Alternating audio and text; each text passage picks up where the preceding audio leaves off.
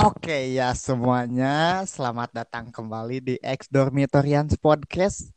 Podcast dari tiga anak absurd yang membahas semua masalah di dunia ini tanpa terkecuali dan yang semua hal itu yang ingin kita bahas. Seperti biasa, dipandu oleh tiga orang yaitu gue sendiri Rai dan dua teman gue Dedi dan Nizar yang mengudara tak terbatas tanpa henti setiap kami mampu. Itu tanda kutipnya. Oke, okay. sudah cukup ya dengan opening basa-basi kampretnya. Gimana nih kabar kalian di sana? Sehat? Alhamdulillah sehat. Cuma eh, sedikit kurang enak di bagian kaki. Soalnya kemarin abis hiking gitu ke gunung. Jadi ya agak pegel-pegel gimana gitu lah. Baik. Nak gunung nih ya. Kalau orang alhamdulillah baik sehat. Oh iya, Dedi juga mau ditanya ya gimana Dedi? Katanya kemarin lagi flu. Sekarang mah dah cengar dong. Baik, aik karena ulin mah dah gercep wae ya. Eh iya dong. Soal main cep lah. Kan kan orang sehat gara-gara telah menambah cabang baru.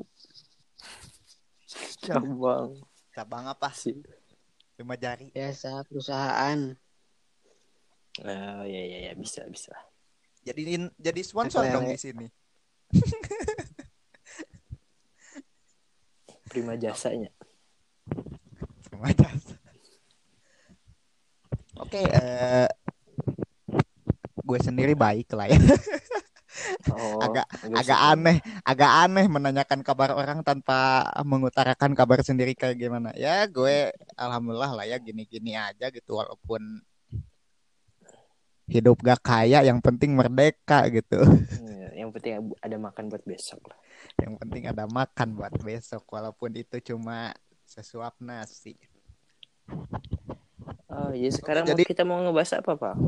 Jadi kita kan minggu kemarin sedang ngebahas bagaimana awal mula kita masuk ini ya, ya. masuk masuk Sekolah. SMA gitu. Bagaimana kita dipertemukan kita bertiga.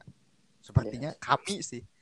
Kami. kami bertiga dipertemukan lewat garis takdir. Lewat ya. garis takdir ya eh, dalam satu masa yang bisa dibilang mungkin masa yang terindah ya kalau secara ya. umum ya. Secara ini umum. seperti ini, coy. Nah, gimana gimana? Seperti ini. Oh, seperti ini. Ya, seperti, ya, seperti ini gimana? Seperti ya. mati lampu. ya, kan kalau misalnya gak, gak ditemukan melalui masa SMA itu ya kita gak akan pernah bisa membuat podcast ini ya kan? Ya mungkin. Ya. Walaupun ya gitulah. Tuhan sudah berbicara lain. Hmm kita dipertemukan di masa yang terindah yaitu masa-masa SMA walaupun ya pasti rata-rata dari kita masa SMA-nya ya gitu-gitu aja gitu. Iya, flat. Kecuali Dedi gitu yang banyak dramanya. Iya. Jadi suka cari masalah. Diam-diam suka cari. Ya, Oke, jadi setelah kita bercerita tentang awal mula kita masuk SMA, ya. Uh, di podcast kali ini kita akan membahas tentang bagaimana sih awal mula kita uh, misal enam bulan gitu atau setahun gitu. enggak sih ya. jangan jangan setahun sih tiga bulan aja dulu tiga bulan pertama ketika kita di SMA adaptasi ya adaptasi terus tuh uh, orientasi ya, orientasi beda dari yang lain gitu. Iya. Masih berkesan sampai sekarang juga. Yo, tidak akan pernah terlupakan bagaimana bedanya orientasi kita. Iya. Jadi ya sedikit insight buat para pendengar kalau misalnya kalian nggak tahu gitu. Jadi kita kan sekolah di asrama ya SMA yang berbasisnya asrama. Walaupun SMA-nya SMA negeri tapi ada asramanya gitu nah asam, asramanya militer. Uh, semi militer khusus dan dikelola langsung oleh eh pas angkatan kita tuh masih pemprov ya iya masih pemprov ada emang sekarang juga masih pemprov lah Enggak enggak kan kalau nggak salah udah udah pindah ke dinas pendidikan ya oh iya, iya, iya. Enggak atau atau masih dalam pantauan ini? Udah dinas. Dalam Iya sih udah udah dinas kan dulu kan kalau sebelum jauh sebelum kita masuk itu kan yayasan ya Iya, iya. Sebelum persemakmuran. sebelum persemakmuran dikiranya penjajahan Inggris Iya, iya. Eh, iya, kita jadi dinas gitu. sekarang kan totally dikelola oleh dinas gitu dulu masih berbasisnya yayasan walaupun yayasannya di bawah naungan pemprov gitu Di bawah Nah. naungan. sekarang sekarang kita akan bercerita tentang at least mungkin tiga bulan pertama ya di tiga bulan awal pas kita masuk SMA karena tiga bulan itu men- menentukan eh, tiga tahun yang akan kita jalani selanjutnya gitu Hmm. jadi Dari siapa Eh, dulu? kalian ingat nggak kan kita eh, orientasinya itu lebih dulu gitu, gitu dari sekolah-sekolah lain Hmm, ya kisaran sebulan lebih atau enggak seminggu dua mingguan lah lebih awal di sekolah-sekolah. ya pokoknya seminggu setelah lebaran kan ya kita berangkat itu Tanggal Hmm. 4 Oh, ya tanggal 4 ya? kalau nggak salah awal seminggu empat Syawal. Hmm, 4 Syawal. bukannya enam ya tanggal berapa ya? Ya udah itulah sama aja dikit. Beda ya dikit. pokoknya pokoknya maksimal ya. Seingat gue maksimal nggak sampai seminggu setelah lebaran gitu. Kita itu udah udah berangkat dari rumah masing-masing membawa semua persiapan kita dari rumah. Dan kita tekad semua bulat dari rumah masing-masing untuk masa depan yang lebih cerah. untuk tiga tahun ke depan menuju ke rumah baru. Ya, sebenarnya untuk menjadi menjadi penopang-penopang bangsa. mantap Penumpang. kalian dulu waktu waktu, ini, waktu eh. berangkat naik apa sih Kalau aku aku es kalau gua gua itu berangkat dari Sukabumi itu naik naik mobil sih Naik mobil. sama keluarga. berarti sama ya sama, sama keluarga berarti kita rata-rata eh bukan rata-rata sih emang kita kita bertiga sama ya atau Dedi Iya. mungkin beda ya Jadi kurang tahu. Sama orang juga pakai mobil diantar keluarga. Hmm, ya, Ya, mobil aja kita ntar juga. bertiga di ya diantar naik mobil mobil yang bersama keluarga terus dari daerah masing-masing gitu ya buat yang nggak tahu gitu hmm, ini nih least. daerahnya Gak usah lah, gak usah lah. Usah ya. nanti takut jadi itu apa sih banyak yang stalker. ya kita- takut- kita. takut, takut banyak yang ngamatin nanti ke Iya benar. kalau kita udah Tapi PMS. kalau follow IG boleh. oh ya kalau Bisa. follow IG nggak apa-apa lah ya Ya nanti bisa DM aja gitu. Yes. Jadi kita itu berangkat dari daerah masing-masing menuju satu pusat yaitu eh, daerah Bandung kan ya. Eh, Ya, Bandung Barat ya. Kita itu Bandung di bawah kalau dari Lembang itu ke bawah ya kita itu. Iya. Kita itu kayak apa sih tempat eh, eh, pers- perlewatan An- untuk menuju Lembang. Iya tempat Iya ya lewat Hmm. ya pokoknya gitu. kalau Kayak misalnya- cuma tempat buat singgah aja gitu terus pergi Ya, gitu. ya. Ya. Antara Lembang sama ini apa? Padalarang berarti ya. Iya. Kita berada di tengah-tengah. Lembang sama Padalarang berarti bukan kota banget gitu. Kita malah masuknya itu Desa, eh, kabupaten kampung, kampung. jauh dari ekspektasi. Jauh dari ekspektasi yang dianggapnya kota gitu aja mau wih. Padahal orang-orang tetangga di sekitar rumah udah menyebut wih calon anak kota nih kota Bandung. Tahunya Bandungnya Bandung Bandung Bandung yang sisi banget aja. Iya sih. Kadang ekspektasi tidak sesuai dengan realita yang ada. Nah, kita berangkat sampai sampai Sam- habis itu eh, kita ini ada semacam inilah ya apa penyambutan Hmm. Kayak upacara gitu lah. ada orientasi yang ya ramah-ramah menyerahkan segala peralatan yang dipinta. Menyerahkan semua eh, jiwa dan raga. Jiwa dan raga.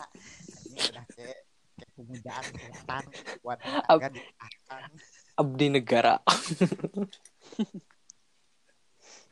Di negara.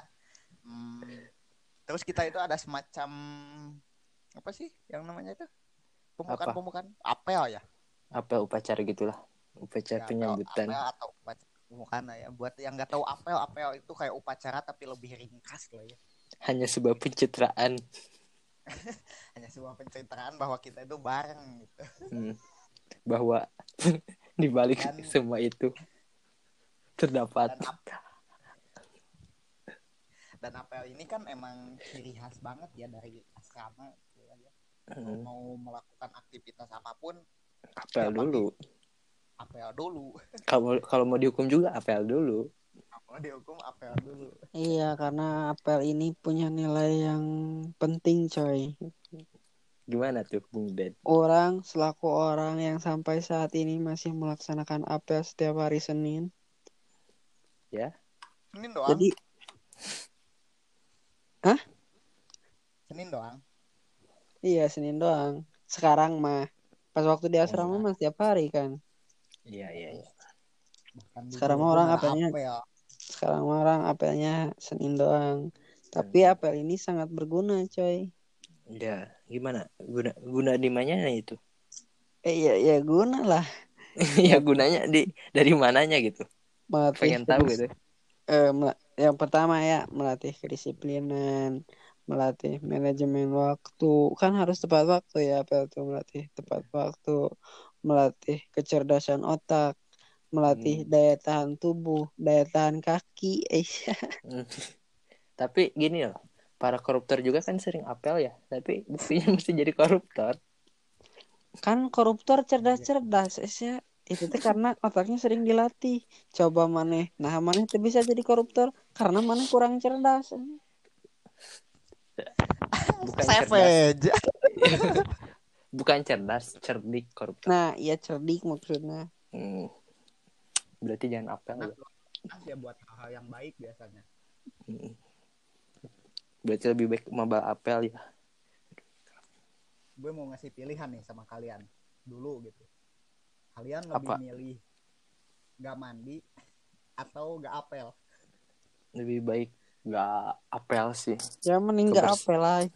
kebersihan lebih utama karena yang tahu diri kita sendiri kita gitu kalau masa Iya, apel ya bisa dikompromi lah sama eh, piket harian Tapi orang mah ya ya ya harus mandi dan harus apel jeng kalau orang prinsip orang sih Hmm. gitu.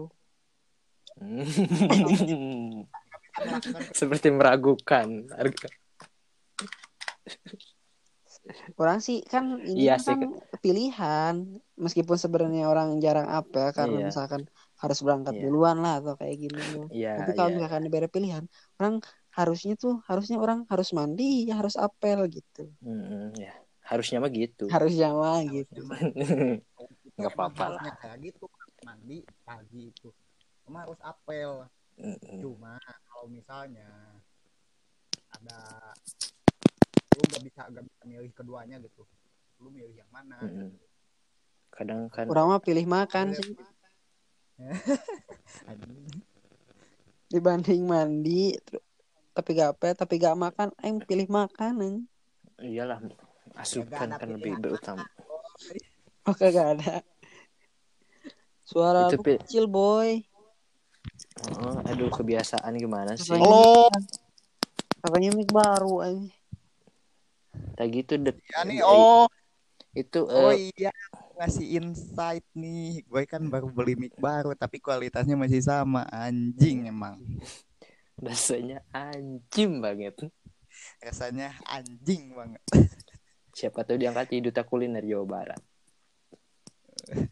ya ya kembali lagi lah ya ke topik awal gitu jadi kita kan berangkat terus sampai di asrama yang sangat adem dan sangat apa ya sejuk dingin gitu sejuk karena kita pada botak di atas gunung Sama ya itu dia salah satu persyaratan utama. Jadi kita itu sebelum ke sebelum ke asrama itu eh, rambut harus sudah setengah senti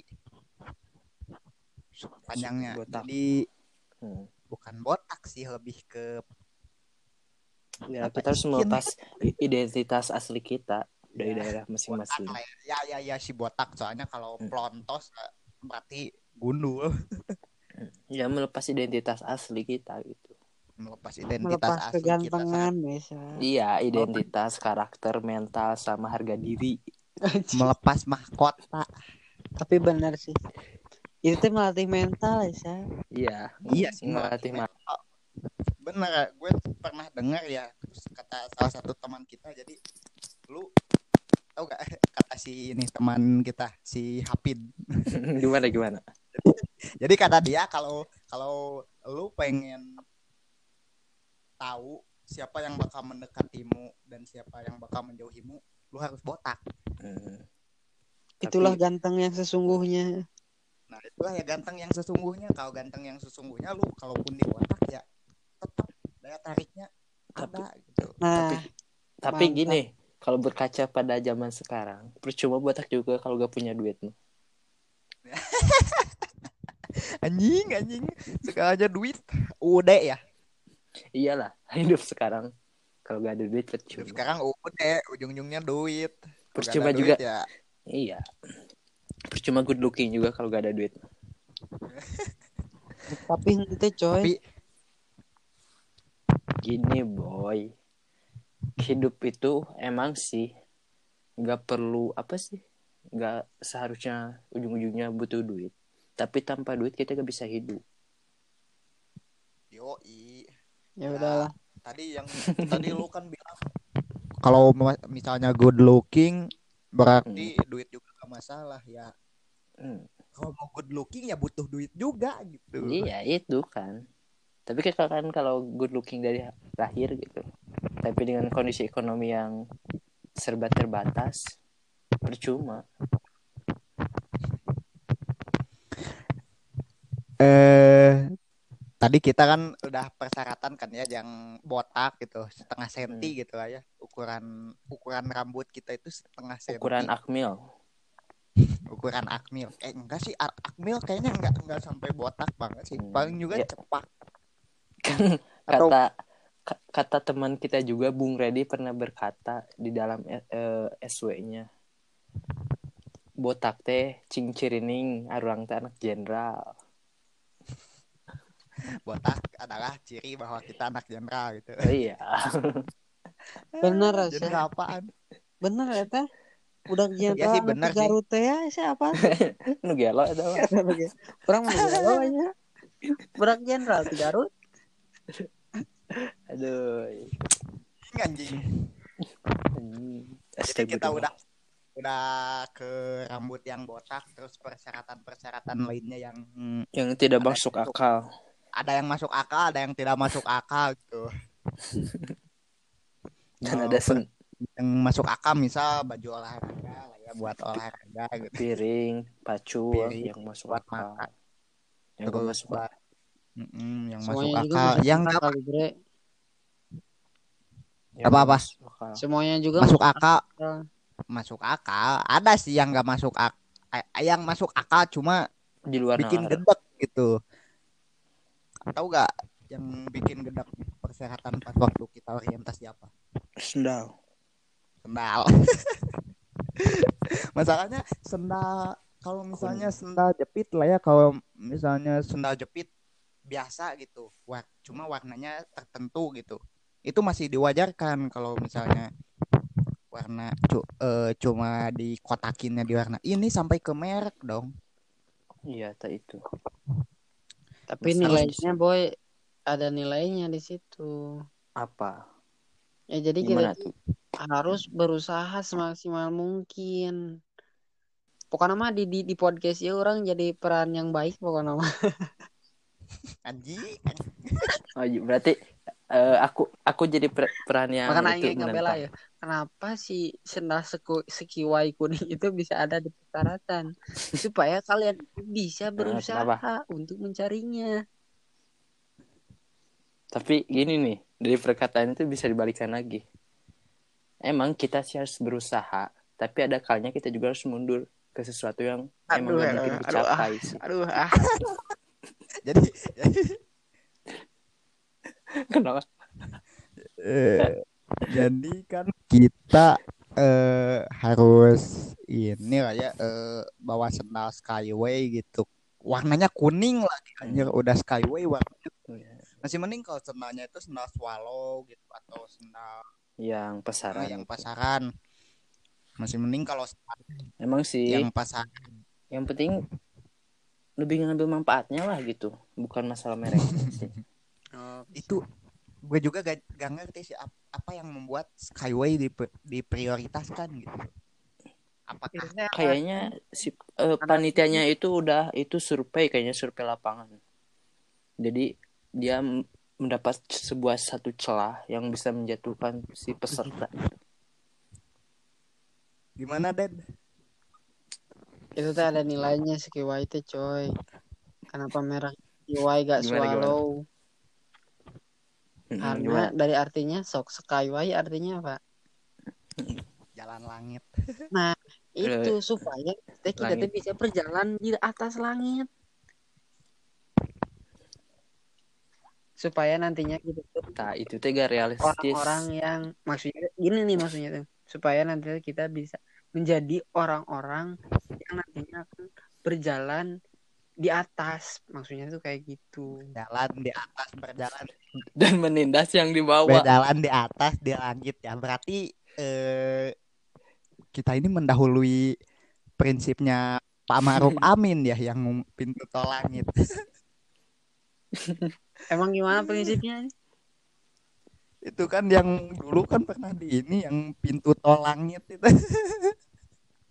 Oh, Nah, ya. ya out of topic kita kembali lagi ke topik kita jadi ada yang masuk akal gitu masuk akal dan Ada bisa diterima ada juga yang masuk akal tapi menurut kita ngadi-ngadi gitu kayak misalnya sendal skyway tadi ya Ya, mungkin itu cuma bumbu-bumbu dalam orientasi. Ah. Ah, orientasi. harusnya coy bagusnya podcast ini tuh yang yang bikin persyaratannya itu dihadirkan coy harusnya. Oh, Ya, emang berani lah. gitu? eh siapa yang bikin persyaratan? Emang emang ada ya? Ya adalah bukan bukannya persyaratan Bukan. eh bukannya persyaratan mos eh, masa orientasi kita itu udah dari tahun ke tahun lah ya? ya kan skyway-nya mah enggak coy kenapa yang angkatan berikutnya Iya kagak skyway Karena ketua yang selanjutnya itu berpikir dengan secara logika dan realistis. Emang yang- eh emang yang sebelum kita yang sebelum kita pakai skyway gitu berarti Iya beda Berarti lagi tapi emang mereknya turun beda temurun lagi. berarti skyway itu Lihat iya tergantung ketuanya. ya udah jangan Tergantung ngegas dong ketuanya. ya Agak- cuma membenarkan yang udah salah. eh, kagak turun temurun cuma udah kurikulum istilahnya ya Iya. Tiap angkatan pasti itu ada sesuatu yang berbeda. kurikulum kepengurusan udah kuri- Iya, tiap kepengurusan pasti ada yang ya udah lanjut lanjut lah khas gitu. ya udah lanjut lah ya topik kita stuck di skyway gitu kepala botak Lanjut lanjut. sendal skyway kaos putih ya kaos putih gak ya Hmm, yang identik Iya. dengan orientasi kita itu atau kaos olahraga kaos putih. kaos putih ya yang mungkin Putih. koko koko juga putih kan ya peci putih Iya, serba putih. Cuma warna kuning itunya. sendal. warna kuning koko putih peci putih sama ya yang identik itu nempel lah ya Nanti eh, baik disediakan sama panitia. tahu gak mana itu putih putih putih putih terus sendalnya Apa? kuning kayak apa Apa? kayak Real Madrid ya kayak pocong nincak tai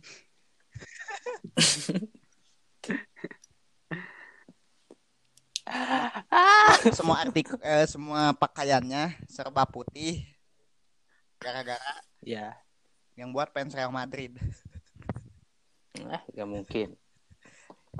Iya. Set, lanjut. Jadi kita datang ke asrama yang dingin. Kalian ya kalau buat yang nggak tahu eh, di kita itu kalau mandi jam 7 pagi, mandi jam 7 pagi ya, jam 7 pagi itu jauh lebih dingin daripada mandi di rumah masing-masing pakai air es. Jadi kulit kita itu malah legar istilahnya mah. Malah jadi apa ya? Eh, ya mengkerut. Gampang Jadi- mengkerut kulit. Lain bener malah legar ganti kulit ya. Iya mengkerut. Mm-mm. Kan itu teh membentuk kulit yang baru yang bisa beradaptasi dengan Nah. lingkungan yang baru gitu. Nah. Itu maksudnya itu. makanya ma gue lah ya pas gue pulang dari asrama gitu kalau setiap pulang dari selalu nanya kenapa lu makin makin ke sini makin hitam? Gitu. Kan Kata mesti bakalan hidup perasaan gue gini. Perasaan gue dari dulu juga udah hitam. Ya mungkin tingkat kehitamannya agak bertambah gitu. Eh, istilahnya udah sunburst gitu ya. Iya, udah udah meninju apa sih disebutnya tuh? Eh Nepada. eh bukan Nepada. apa sih? Eh Nirwana, aduh goblok goblok Nirvana. Tingkat paling tinggi nih. tingkat paling tinggi udah udah ini udah udah hitam kan ada hitam manis ada hitam pahang Ya udah menuju tingkat hitam paling itu.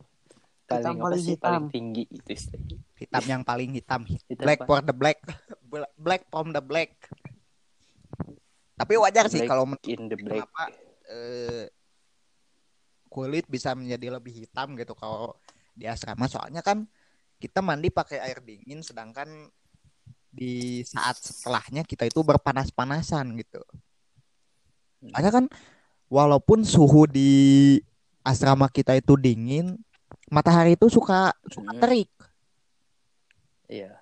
Ya karena mungkin sebagai penyeimbang antara dingin dan dingin Iya. dan panas dan, dan satu hal yang membuat kita terkenal di yang lain itu sekolah kita ya sekolah kita itu kan dikenal Iya. sebagai SUC lah ya istilahnya itu singkatannya itu School Upper Cloud atau sekolah di atas awan kayak Sky High. kayak Tahu filmnya? Sky High kayak pernah dengar sih Ada. Ada film superhero itu. nggak tahu sih. Kenapa sekolah kita disebut demikian? Karena kalau kita melihat ke daerah-daerah lain lah ya? Dari, Bawah. dari titik tertinggi di asrama kita itu apa lah ya? Gedung apa ya? Gedung itu pembina. gedung pembina ya? Gedung kantor gitu. Iya, lantai atas. lantai atas. Nah kita itu kalau melihat ke sana atau mungkin kalau kita melihat dari jalan lah ya soalnya Kalau enggak dari eh, apa sih genteng GSG? dari genteng atau dari jalan juga bisa kan dari Ya jalan bisa bisa. atas soalnya kan jalan jalanan buat kendaraan itu lebih tinggi daripada posisi asrama kita gitu nah kalau lihat dari sana Hmm. itu kita lihat jauh ke bawah gitu kita tuh serasa di atas awan soalnya banyak awan gitu Terbentang luas kota Cimahi. tentang luas kota Cimahi iya buat yang nggak tahu eh, asrama kita itu tetanggaan Eh, mungkin bisa dibilang lebih dekat gitu lah ya ke kota Cimahi gitu Iya.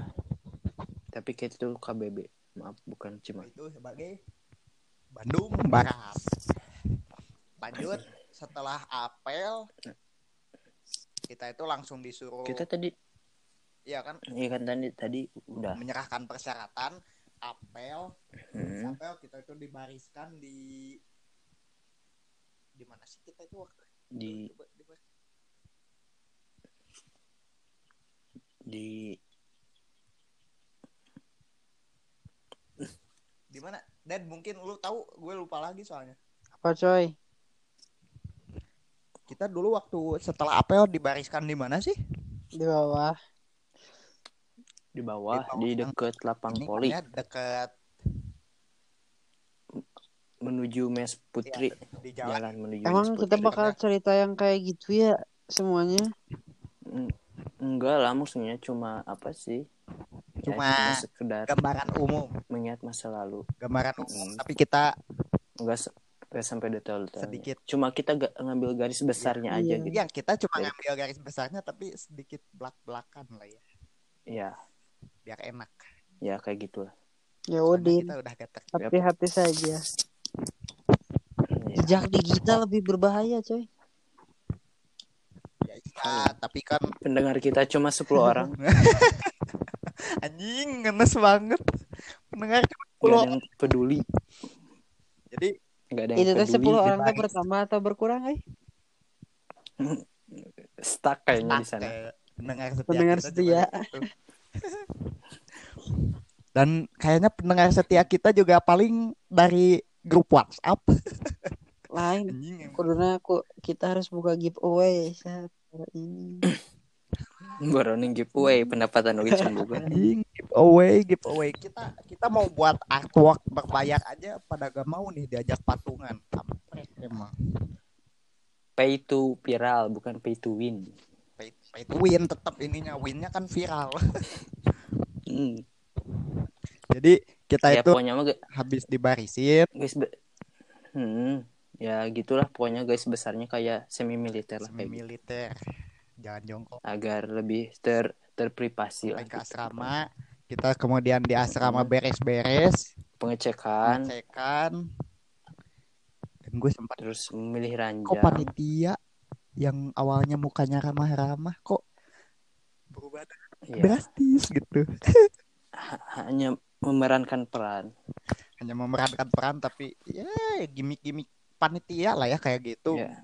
gue juga ya emang kayak gitu kalau misalkan ya seperti seperti orientasi pada umumnya. Walaupun gue emang menurut pendapat gue pri- pribadi lah ya gue agak agak-agak ini agak-agak fuck up dengan sistem-sistem senioritas kayak gini tuh. Tapi eh, dampaknya eh, ngena banget tuh. Jadi mental kita itu emang benar-benar kuat iya gitu. sih emang mental kita jadi mental kita itu terbentuk dari rasa apa sih rasa haus akan balas dendam. Eh bukan bukan kayak gitu, tapi coy. tetap aja kan ujung-ujungnya balas dendam di orang. Iya maksudnya kan dari apa sih kalau dari Naruto mah kan kalau balas dendam itu melahirkan sebuah mata saringan ya. Kalau itu kalau kita itu melahirkan sebuah mental yang Oh kuat. iya. Bukan maksud pengen laksain balas dendam tetapi kan Nah, itu mental makanya kita mana bilang selanjutnya biar Da- biar jelas. iya kan belum beres. Da- kan dari banyaknya kedongkolan membuat mental kita semakin kuat gitu. Perumpamaannya mata saringan ya kan. iya kayak gitu. Ih, kalau klan Uchiha mah udah matanya tuh udah udah jadi Manenkyo Sharingan gitu lah. Hmm, terus kita itu pengecekan, habis pengecekan kita disuruh pakai baju. Soalnya Koko kan mau sholat. Iya mau sholat ya, mau sholat pakai baju koko, baju takwa, Mm. baju muslim atau apa pun itu, baju muslim putih, sarung, peci putih dan tentunya name tag yang tidak pernah ketinggalan dibawa ke mana-mana bahkan sampai tidur aja kan masih ada yang bawa-bawa name tag. ya sebagai identitas kan kita Kan orang biar baru saling bisa. kenal, coy. biar biar saling kenal kan jadi name tag itu Hmm. eh, a crucial thing gitu Sebu- jadi Hmm. benar-benar identitas diri banget gitu name tag gitu kalau hilang ya siap-siap Hmm. Ada apa sih punishment? Ah, benefitnya. Benefit. Punishment. Terus? Nah, orang ya, punya kejadian guys bes kejadian seru tuh. Gimana, gimana? Pas, pas waktu mau sholat. Hmm, gimana? Kan kebiasaan kita mau sholat tuh kan biasanya tuh kita baris dulu ya. Ba- Nah, Iya pengecekan. ada bang ada orang-orang yang ada orang-orang yang boleh ngomong bangsat? Ya boleh ada orang-orang yang sengaja. Kan kita tuh eh, sambil berdiri eh, sambil nunggu ya nunggu itu. Kita tuh Hmm, harus nungguin orang-orang yang emang telat gitu. Jadi nilainya Hmm. tuh di sana tuh kita tuh emang harus bareng-bareng gitu. Ke mana makan bareng-bareng Iya. sholat bareng-bareng. One per per korsa lah istilahnya. Kan bener kan korsa iya. Ya benar-benar makanya makanya nilai-nilai itu di sana. Nah tapi ada kejadian nih satu terus Fikri mana yang Hmm. bajunya kebalik anjing kocak bisa nih gitu. Siapa si itu? Fikri yang bajunya kebalik kan? Kebalik gimana? kokonya eh kan koko biasanya biasa eh. Tapi itu mah pakainya Hmm. tuh kebalik aja si kokonya tuh Oh iya. Iya sih bener. Dia ada guratan-guratan eh, jahitnya saking, gitu. saking ininya saking tegang bukan tegang sih saking Diburu-buru. iyalah buru-burunya gitu soalnya Hmm. waktu itu Ya. berarti kan ha- emang disiplin dan waktu semenitnya sangat berharga Iya. Tapi wajar sih Time is kenapa life. baju koko bisa terbalik seperti itu. Soalnya kan kalau beda nah soalnya kan koko putih lah ya si coraknya itu kan warnanya juga putih lah ya cuma di jahitannya doang kan ya beda gitu. Jadi suka nyaru gitu. Tapi kan masih ada Iya beda sih. ya kalau kancing jadi pembeda. Ya mungkin ya karena saking Saking itu mungkin Hmm, tekanan yang apa sih kultur shocknya. kultur shock. Tertekan Ya, jadi- waktu. Mm, tertekan gitu. Yang penting mah asal pakai gitu. Mm-mm. Kita itu kan mm, orientasi itu dua kali lah ya. Tapi eh, gini loh, dari apa sih efek dari orientasi bagi diri sendiri nih, bagi gue khususnya. Itu kalau tiap ngedenger sirine itu kayak trauma gitu. Ya, nah, Asli. nah ya gue baru ingat. Nah, sirine ini merupakan satu hal yang identik juga dengan orientasi eh, asrama. Jadi Jadi aduh, asli men trauma gue kalau kalau dengar sirine sirine walaupun Iya. sekarang ya walaupun sekarang gue kalau dengar Mm. sirine di mana pun itu bahkan di video sekalipun atau di TV sekalipun gue suka ah fuck teringat langsung ya gambaran masa Langsung lalu gambaran langsung tergambar. yang-.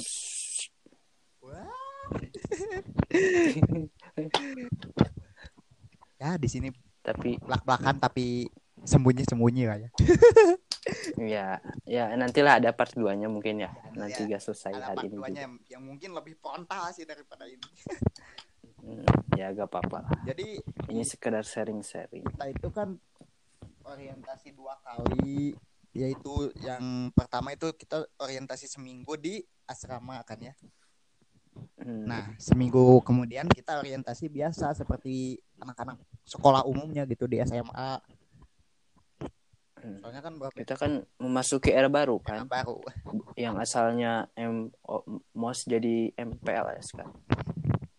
dia yang asalnya soalnya kan mos kan konotasinya buruk gitu Iya. Eh, Di MPLS kan kita masuk akal bentak-bentakan balas dendam yang salah gitu Iya. Zaman kita lebih parah deh. Zaman eh, kalau disuruh disuruh ini disuruh apa becek-becekan zaman kita lebih parah Hmm. deh kita pernah berendam di segitiga bermuda anjing Hmm, menaiki eh, menuruni lembah, menaiki gunung. menuruni lembah menaiki gunung eh, mengarungi laut tapi kan emang Tapi ya emang emang harus kayak gitu meren Mm-mm. Tapi kan udah beda zamannya lagi. udah beda zaman cuy orang-orang zaman sekarang itu Sam- mentalnya udah kedekres Mm-mm. Sama apa sih mental apa sih ngebangkangnya itu lebih tinggi mental udah lebih halus terus tuh embel-embel ham banyak beredar di mana-mana sama banyak dia mengataskan namakan ham. ya banyak mengatasnamakan ham dan juga banyak SJW sekarang Apa itu SJW? tahu gak SJW Social Justice Warrior itu loh orang-orang yang suka sosokan nyari jejak digital segala macam rupa ya Hmm. bahasa bahasa umumnya netizen lah ya Oh iya. oh lah Nah, kan makanya zaman sekarang itu udah gak udah bukan eranya lagi seperti dapat treatment treatment seperti zaman dulu gitu makanya era kita itu peralihan kan ya dari masa Iya, masa sekolah peralihan. Transisi pengenalan lingkungan sekolah yang ada iringan-iringan lagu gitu nih. lagu yel yel segala macam rupa Tapi kita yang lebih em, yang anak asrama itu lebih tertekan lagi, Bu. Tertekan gimana tuh? Kan kita itu pada botak. Oh iya. Ya kan itu untuk membangkitkan saringan. Iya. Mental kita lebih teruji di sana itu. Yang biasanya kita membangkitkan saringan. iya. Jadi kita itu harus apa sih istilahnya kudu kandel banget. Iya, tebal muka. Ya gitulah. Jangan gitu. Makanya gak Tapi ingat buat tuh aku yang coy gimana. menghalangi kita untuk mengembangkan diri. Iya sih. Jadi mau kenalan sama orang tuh orang teh saya kumaha. Agak Ya, pede emang sih. anjir. Bapak Karena apa sih beban gitu. beban. A- nam- a- eh, apa sih nama asramanya itu? Kita itu harus menjaga nama baik lah. Iya sih, emang sih. Eh kelebihannya ya kita kalau kelebihannya ya gue gue gue boleh kan ya belak belakan sedikit tentang kelebihan kita menjadi anak asrama. Boleh. Nah kan, Kecil suaranya coy. Nah kan eh, gue mau memaparkan sedikit lah ya belak belakan dikit tentang kelebihan kita menjadi anak asrama. Pertama, jadi anak asrama itu enaknya itu semuanya gratis. Ya pendidikan gratis, makan gratis, Hmm, Rokok gratis. pakaian gratis. apa apa.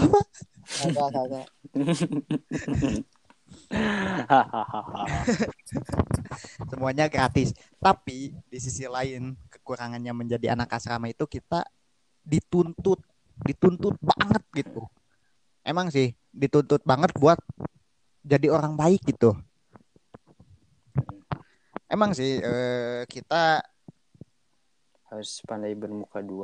harus pandai bermuka dua nah gitu emang sih eh, bukan maksud gue apa-apa gitu bukan maksud gue ya baik dituntut baik gitu emang sih yang namanya dituntut baik itu emang kewajiban kita semua gitu tapi kalau sebagai anak asrama itu eh, tekanannya itu asa eh, kayak kayak double gitu jadi kita itu dituntut untuk Hmm. eh, baik Apa bener gitu. ya? kalau misalnya agak nakal dikit langsung dibilangin lu kan anak asrama gak boleh gitu nah Iya, yang membuat gue benci gitu. iya.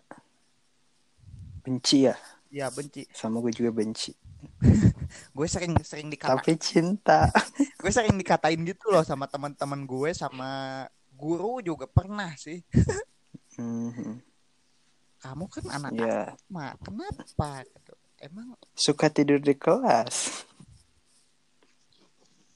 Biar pila biar viral masuk tunduh mangah. Aduh, ah, tuh bang. Tapi kalau masalah tidur di kelas sih gue kayaknya cuma tahun pertama deh kebiasaan tidur. Iya sih, emang belum belum Cuma biasa. pas kelas 1 doang. Gue pas pas kelas 2, kelas 3 Dua udah gak pernah tidur, ketiduran ruang osis udah gak pernah tidur di kelas. Tidur di kelas lagi. di, di ruang Tapi ruang lain tidurnya di tempat lain. Tidurnya di pelukan mantan. anjing, anjing. Nah, ini contoh anak asrama yang bukan contoh. Tapi gini, Bro. Gue masuk asrama eh apa sih? Eh, jadi eh, hilang sebuah hubungan. Ikatan hubungannya itu putus, Bro. Anjay. Iya. Nah, Nah, ini baru karena masuk tuh. Nah, satu pesan satu hal juga nih, satu hal baik juga dari kita masuk asrama adalah pengorbanan, cuy. Ka- jiwa dan raga. Pengorbanan jiwa dan Men. raga kita di eh, pengorbanan hati, kita harus mening- hati. Ya itu Hati. yang lebih kita parah itu hati sih. meninggalkan rumah, kita harus meninggalkan keluarga, kita harus meninggalkan pacar bahkan Seseorang. Ya, itulah gigit medali. Gigit mendali. gigit mendali. Siap. Siapa yang gigit mendali? Sinjal. Oh, aku lupa lagi. Iya. Ya. Orang kaget aja itu orang kejadian yang yang kan yang lain mah dapat foto itu teh dari dari sosial media Facebook. padahal orang teh Hmm. bawa di loker teh orang punya fotonya Eh, eh gue juga bawa loh. ah tapi gue pa- pandai ngumpetin Mana dia diumpetin di mana aja dah? adalah pokoknya Ih, orang mah orang saking orang kagetnya takut eh, orang teh Hmm. eh, disim- diselipin eh, di Quran eh. soalnya kan ma- masa sih nanti ngecek sampai ke Quran Hmm. Quran eh, orang mikirnya tak gue mah yang kena itu suratnya bukan fotonya sih Ah. suratnya yang Orang- kena itu orang bawa foto doang nah fotonya orang teh selipin Hmm. di Quran soalnya orang berpikiran Hmm. gak bakal nyam gak bakal sampai ngecek ke situ nah tapi Hmm. orang karena orang takut eh orang langsung bawa ke Nah. ini orang buang di Ke mana? kloset WC ini orang sobek-sobek Oh. dulu baru orang siram Takut. Iya. Hmm. Tapi tapi gue emang gini ya. Kalau masalah foto nih, kan eh, semenjak asrama gitu, beberapa bulan kemudian putus. Ketika udah putus nih, pulang pulang nih ke Sukabumi ke daerah. mana putusnya kenapa ya Ya tanpa eh, ya pokoknya adalah panjang eh, sebuah perbincangan gitu. Intinya jarang ngasih kabar lah intinya gitu. Ya buroning ngasih kabar mikiran di seorang lagi ripuh istilah mah gitu. Udah pulang nih. Nah, foto yang gue jaga 6 bulan itu gue balikin lagi ke mantan. oh Asli, balikin lagi ke mantan. Ya, udah gak ada hubungannya lagi. Ya balikin aja gitu ke mantan. Ngapain disimpan simpen gitu. Daripada dibuang sayang lebih baik eh, lebih baik balikin aja. Kayaknya gue doang ya yang yang masuk asrama tanpa beban-beban kayak kalian. Oh, ada mana gitu. mah aja itu payu sih teh Ah, anjing, anjing. eh semenjak masuk asrama gue jadi itu dituntut menjadi orang apa sih berkarakter yang bukan culun sih. Lebih pendiam gitu. Ke cewek teh nggak nggak kayak SMP gitu. Aslinya mah gak gitu. Agresif bener. ya itu hmm, sadar. Gue semenjak ya gitulah semenjak masuk SMA, semenjak masuk asrama, gue itu sering sering banyak ditanya sama tetangga kok kok kok jadi lebih pendiam gitu, jadi lebih lebih banyak diam gitu. Biasanya kan suka nanya-nanya walaupun nanyanya anfaedah gitu ya, nanya gak perlu Hmm. gitu. Kok sekarang lebih ya, diam, karena karena terlalu sakit untuk diceritakan lebih diam gitu. Gue gue dari hati cuma menggerutu anjing ini gue dididik macam apa gitu. ya sampai jadi seperti ini kayak cuci otak bro. Cuci otak. Emang bener. Eh, sih emang. Jadi jadi jadi tapi sih orang mah enggak sih. Jadi enggak jadi pendiam biasa Iya. aja. Tapi ada satu lagi nanti kegiatan yang kebiasaan yang jadi jadi susah dilakuin lah. Di, jadi susah dilakuin. Kayak ini kayak coli eh coli poli maksudnya. Poli maksudnya poli Iya sih waktu, waktu kelas saya itu agak-agak susah. Nah, kayak main poli kan poli orang itu biasanya gitu. kan suka lakuin barang-barang sekarang nggak bisa Hmm. gitu terus saya banyak lah Iya itu. sih. Ya. Mm, ya banyak. jadi pressure gue waktu masuk asrama eh, gara-gara masuk asrama itu kita nggak bisa explore lebih gitu contohnya masuk expo Iya, ada beberapa expo yang bahkan kita tidak bisa masukin gitu iya, nggak bisa mengembangkan diri. Ya, Gitu. tidak bisa mengembang exco-nya itu monoton gitu kalau gak kalau gak pramuka ya pas kibra anjing emang. PMR. PMR atau OHIS empat besar tuh empat besar exco The Big Four. sekolah the big four pramuka pas kibra rohis PMR Jadi kita itu istilahnya masuk asrama itu kayak udah apa sih punya jadwal-jadwal kehidupan gitu yang harus dicapai selama tiga tahun itu. Gitu. Apalagi kan Jadi udah ada list-listnya. Apalagi kan kita emang bisa dibilang totally belajar itu 24 jam kan? Iya. dari pagi sampai malam kita belajar. Dari ya sampai pagi sekarang juga misalnya- belajar coy. Enggak maksudnya gini. Dari pagi sampai sore kita belajar di SMA sore jam 3an mungkin ya walaupun se- enggak sih jam 3 jam 2 sebelum ada full day itu. Kalau sudah ada full day kayaknya jam setengah empat. Nah setelah setelah itu kita belajar lagi kan di asrama ada mata mata pelajaran tambahan gitu. Ya sampai sebelum maghrib gitu. Ya. Sesudah mungkin setelah maghrib sampai isya mungkin ada sedikit tambahan pelajaran berupa kerohanian gitu. Nah, dari Isya sampai larut malam kita belajar lagi tapi mandiri gitu. Jadi ya totally mungkin gue bisa Ya. sebut itu belajar 24 jam gitu walaupun gak 24 jam banget gitu. Kan Hmm. pengalaman ya kita itu sama. ditun iya kan gimana ya kan fokus asrama itu kan kepada akademik ilmunya sih Iyalah. Emang sih Ya kan, kan sesuai sesuai moto dari asrama kan belajar belajar belajar sukses. nah, iya makanya belajarnya harus banyak. Saya baru mau sukses. Ber- Hmm. baru sukses tapi ya eks- eh, ekspektasi sama realita kan suka berlainan. iya Belajar belajar belajar. Kenapa? HS. gini kenapa Nah, orang belajarnya disimpan di depan daripada sukses. suksesnya disimpan di belakang gitu. Iya kan harus belajar dulu sebelum sukses gitu. enggak gini karena sukses itu peluangnya ya tergantung gitu. Makanya disimpannya cuma satu dan di belakang. Sedangkan belajar itu suatu yang rea- apa realistis lah. Iya. mau kita Jadi gagal mau kita berhasil tetap harus belajar. Nah, jadi belajarnya wajib, suksesnya pilihan. iya. Iya suksesnya itu kan ada di akhir jadi ya intinya belajar gitu gitu sih Sukses gak sukses bodo amat. Asrama gak nanggung. yang penting belajar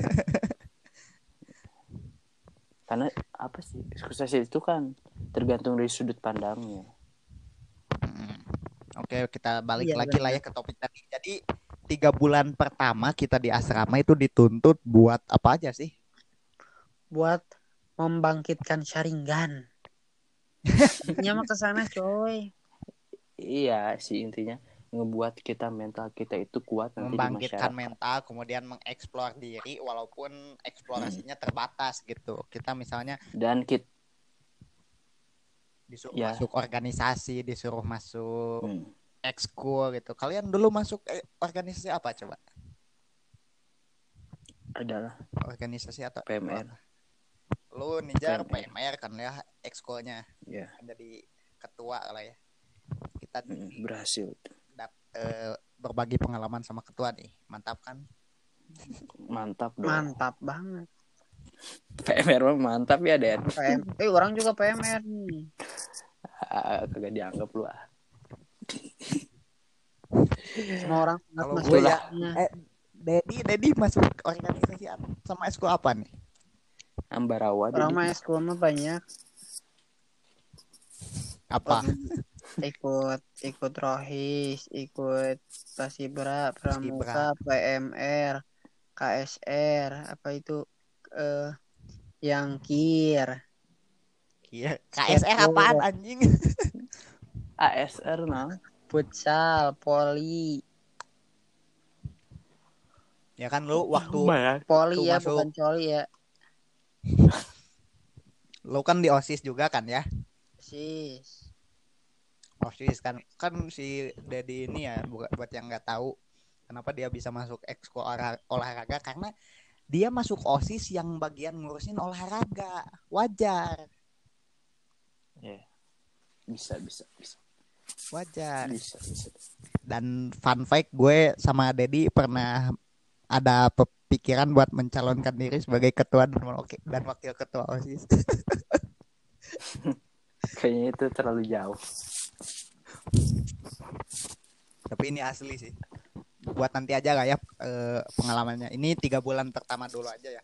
Jadi Nizar jadi PMR eh, sampai akhirnya beberapa udahlah jangan malam-malam tuh beberapa bulan ya bentar lagi itu Bentar lagi sih. satu jaman lagi pokoknya kesimpulannya membangkitkan Sharingan lah tiga bulan ini tuh Iya tiga bulan kita dituntut untuk bisa beradaptasi bisa dengan lingkungan yang baru mengeksplor diri dan juga menahan diri supaya tidak berkomunikasi dengan orang-orang di rumah. Hmm. Itu yang paling utama. Tapi gue melanggar me- melanggar poin poin yang terakhir. ya jadi dituntut buat apa sih kita itu harus melampaui batas kita batas yang kita mampu gitu intinya hmm. itu kan. ya buat kalian yang Iya. nggak yang nggak tahu lah ya tiga bulan pertama kita di asrama itu kita diisolasi istilahnya itu kita tidak boleh keluar asrama kita tidak boleh menghubungi orang di rumah dan mungkin Dan? seperti itu sih keluar juga kan keluar rumah juga eh keluar rumah keluar. Asrama juga kalau misalnya ada acara-acara penting misalnya lari keluar atau pengajian keluar keluar. mandi keluar. Ya seseringnya sih lari hari minggu yang keluar kan ya? Mm-mm. udah gitu banyak yang sebelum sampai Mm. kampret. Ya nantilah bisa dilanjut di season Bisa, 2 nya Jadi lanjut oke ya. Hmm, kesimpulannya adalah tiga bulan kita di asrama adalah unbelievable. Sangat susah di Ya, itu. ya, kita bisa mengalami hal itu. Kita harus menahan perasaan kita harus membentuk karakter dan kita juga harus eh, mengeksplor diri kita sendiri dan melampaui batas-batas yang kita pikirkan. Oke? Eh, oke. Mungkin cukup sekian lah ya untuk podcast kali ini. Eh, terima kasih buat yang sudah mendengarkan sampai akhir, walaupun gak banyak juga gue tahu itu di indeks gue eh, di indeks perhitungan podcast gue gak, gak banyak orang yang mendengarkan sampai akhir. Eh, jangan lupa follow sosial media kami seperti yang udah disebutkan di awal. Eh, kita bertiga pamit undur diri.